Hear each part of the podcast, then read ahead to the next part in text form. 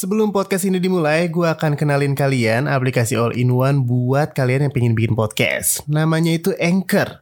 Di Anchor ini kalian nggak cuman bisa ngerekam audio, tapi juga bisa langsung editing. Jadi emang semua fitur untuk bikin podcast itu udah ada di aplikasi ini teman-teman. Nah, kalau podcast udah jadi, terus gimana nih distribusinya? Di Anchor ini semuanya bisa. Jadi kalau kalian pingin podcast kalian itu didengar banyak orang, Anchor ini bisa distribusiin podcast kalian ke berbagai podcast platform, kayak Spotify, Apple Podcast, dan lain-lain. Nah, terus gimana nih cara nyari aplikasinya? Anchor ini bisa kalian download di App Store ataupun Play Store, atau juga bisa dari website www.anchor.fm. Selamat bikin podcast!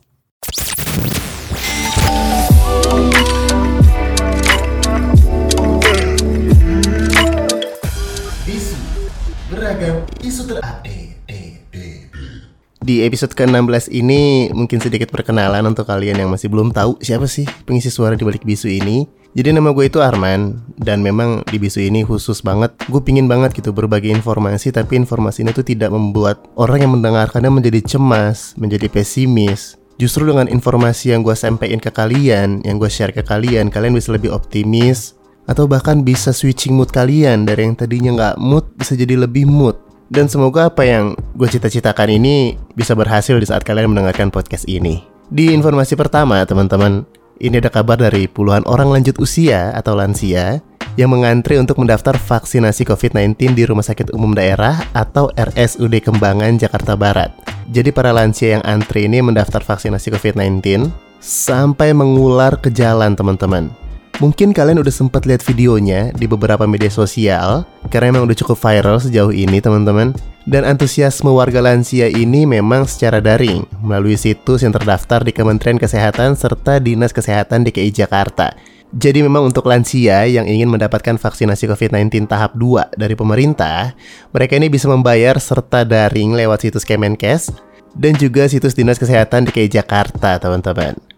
Dan memang khusus di RSUD Kembangan ini yang mendaftar vaksinasi itu melebihi kapasitas dari rumah sakit. Jadi Camat Kembangan sendiri, Joko Mulyono, ini udah berkoordinasi dengan suku dinas kesehatan Jakarta Barat untuk mengantisipasi antrean berulang seperti ini nih di kemudian hari. Dan Camat Kembangan ini juga siap banget nih untuk membantu Sudin Kesehatan Jakarta Barat dan mensukseskan program vaksinasi. Jadi balik lagi kalau kalian udah sempat lihat videonya itu sekitar 57 detik ya teman-teman. Jadi perekam video itu juga kasih info kalau barisan warga ini udah terjadi dari jam 5 pagi dengan nomor antrian sampai ke nomor 157. Tapi hebatnya, para lansia yang mengantri ini tetap menerapkan protokol kesehatan teman-teman Seperti memakai masker, lengkap dengan pelindung wajah atau face shieldnya, dan juga menjaga jarak untuk program vaksinasi pemerintah pusat sendiri sejauh ini memang sudah memasuki tahap kedua yang menargetkan pelayanan publik, pedagang pasar hingga lansia dengan target 21 juta orang di seluruh Indonesia. Ini keren banget ya, walaupun antriannya sampai panjang, tapi para lansia ini tetap menjaga protokol kesehatan. Dan di sisi lain, artinya vaksin dari pemerintah ini memang mendapatkan sambutan yang baik dari masyarakat teman-teman. Karena pastinya kita udah cukup bosen ya dengan adanya COVID-19 ini pingin gitu cepet-cepet bukan new normal lagi tapi benar-benar true normal nah di informasi kedua ini dari Jakarta tetap jadi banjir besar yang sempat terjadi kemarin ini teman-teman ternyata telah memakan korban kendaraan seperti mobil dan juga motor Bahkan di beberapa video, angkutan umum seperti bajai juga banyak banget tuh yang nganyut teman-teman. Nah, kendaraan yang rusak karena kebanjiran pada dasarnya tidak ditanggung asuransi. Tapi tapi untuk sebagian pemegang polis yang sudah memperluas jaminannya bisa mendapatkan fasilitas ganti rugi teman-teman. Jadi syarat utamanya kendaraan yang telah terendam banjir ini ditanggung asuransi oleh sang pemilik atau pemegang polis yang sudah memperluas jaminannya. Ada dua nih jenis asuransi umum untuk mobil, yaitu komprehensif ataupun total loss only atau TLO. Pada dasarnya tidak melindungi kendaraan yang kebanjiran secara langsung memang. Tapi berdasarkan aturan polis standar asuransi kendaraan bermotor Indonesia, kalau kalian di bab 2 pengecualian pasang 3.3 dijelaskan, penyebab kerusakan kendaraan berupa banjir merupakan salah satu faktor yang tidak bisa diklaim asuransi. Jadi emang kata-katanya selain banjir teman-teman.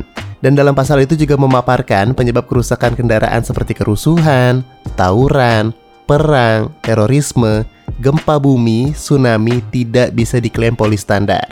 Nah, cara supaya kendaraan terlindungi asuransi dari banjir ini adalah pemiliknya harus memperluas jaminannya, teman-teman. Sebelum lanjut, gue bakal kenalin aplikasi all-in-one buat kalian yang mau bikin podcast. Namanya itu Anchor. Jadi di Anchor ini kalian gak cuma bisa ngerekam audio, tapi juga bisa langsung editing audio kalian di sini. Nah, terus kalau podcastnya udah jadi, gimana nih distribusiinnya? Di Anchor semuanya itu bisa. Kalau kalian itu pengen podcastnya didengar sama banyak orang, Anchor ini bisa distribusiin podcast kalian ke berbagai podcast platform. Kayak Spotify, Apple Podcast, Soundcloud, dan lain-lain. Cara punya aplikasinya juga gampang banget. Kalian tinggal download di App Store atau Play Store. Atau bisa juga dari website www.anchor.fm. Selamat bikin podcast! Dan hal lain yang perlu diingat kalau asuransi polis ini tidak dapat diklaim kalau kendaraan yang didaftarkan rusak disebabkan oleh faktor lain atau eksternal. Misalnya kendaraan yang dipaksa menerobos banjir. Nah itu nggak bisa tuh teman-teman, karena memang kesalahan kita sendiri ya. Presiden Direktur Adira Insurance Indra Baruna juga mengatakan pemilik kendaraan harus jeli nih, mengamati jenis kejadian dan bencana apa saja yang masuk dalam daftar pertanggungan asuransi. Dan menurut Pak Indra ini juga ada beberapa perusahaan asuransi yang menerima klaim kerusakan akibat banjir dan bencana alam lain. Karena pada ketentuan Otoritas Jasa Keuangan atau OJK dalam surat edaran nomor SE06 garis miring D05 2013 tentang penetapan tarif premi pada lini usaha kendaraan bermotor jenis resiko khusus yang ditanggung asuransi meliputi banjir, gempa, letusan gunung berapi, dan juga tsunami. Tapi kita sebagai nasabah juga harus rela nih teman-teman untuk membayar lebih banyak untuk premi dari resiko-resiko bencana yang tadi. Tapi ya walaupun lebih mahal menurut gue sih cukup menjanjikan ya karena manfaat yang akan kita dapat juga akan lebih maksimal teman-teman. Jadi cara-cara klaimnya ini kurang lebih ada 5 langkah teman-teman. Yang pertama itu cek dulu polis asuransinya. Kalian pastiin kalau polis asuransi yang kalian punya itu disertai perluasan jaminan. Kalau udah, kalian langsung lapor aja. Lapor secepatnya ke penyedia asuransi yang dimilikin. Ini tuh bisa secara online, telepon, atau datang langsung ke kantor cabang atau kantor pusat layanan terdekat. Yang ketiga, kalian ambil foto, teman-teman. Jadi sambil nunggu kedatangan tim survei penyedia polis, kalian ini wajib banget ambil foto-foto sebagai bukti. Ya walaupun ini tuh nggak diwajibin ya, tapi langkah ini tuh akan sangat memudahkan kalian dan penyedia layanan saat survei. Jadi di saat survei ini udah dilakuin, kalian itu perlu menyertakan dokumen identitas seperti SIM, serta mengisi dokumen pelengkap seperti laporan kejadian. Nah biasanya keterangan terdapat di polis yang kalian punya nih teman-teman.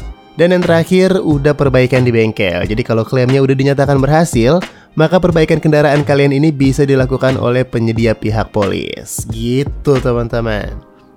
Jadi nggak usah khawatir lagi nih kalau aduh mobil gue kebanjiran. Wah ini servisnya pasti mahal banget ya keluar budget bla bla bla bla.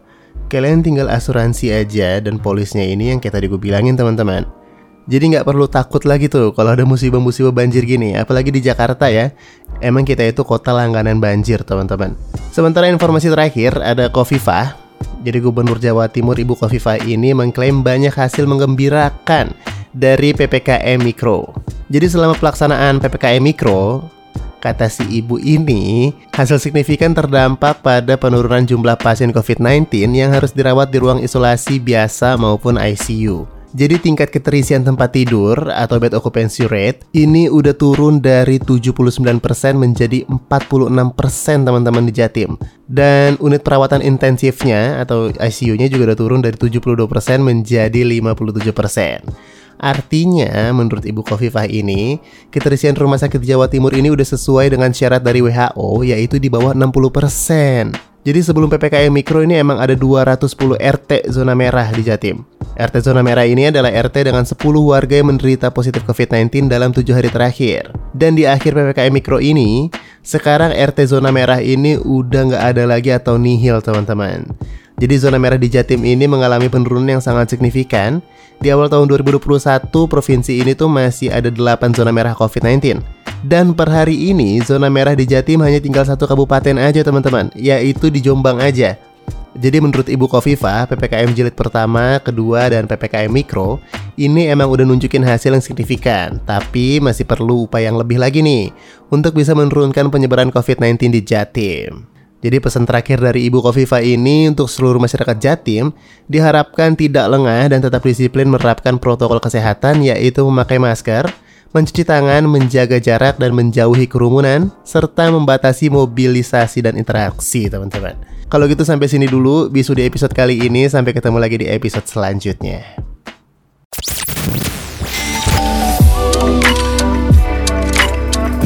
Bisu beragam isu terupdate.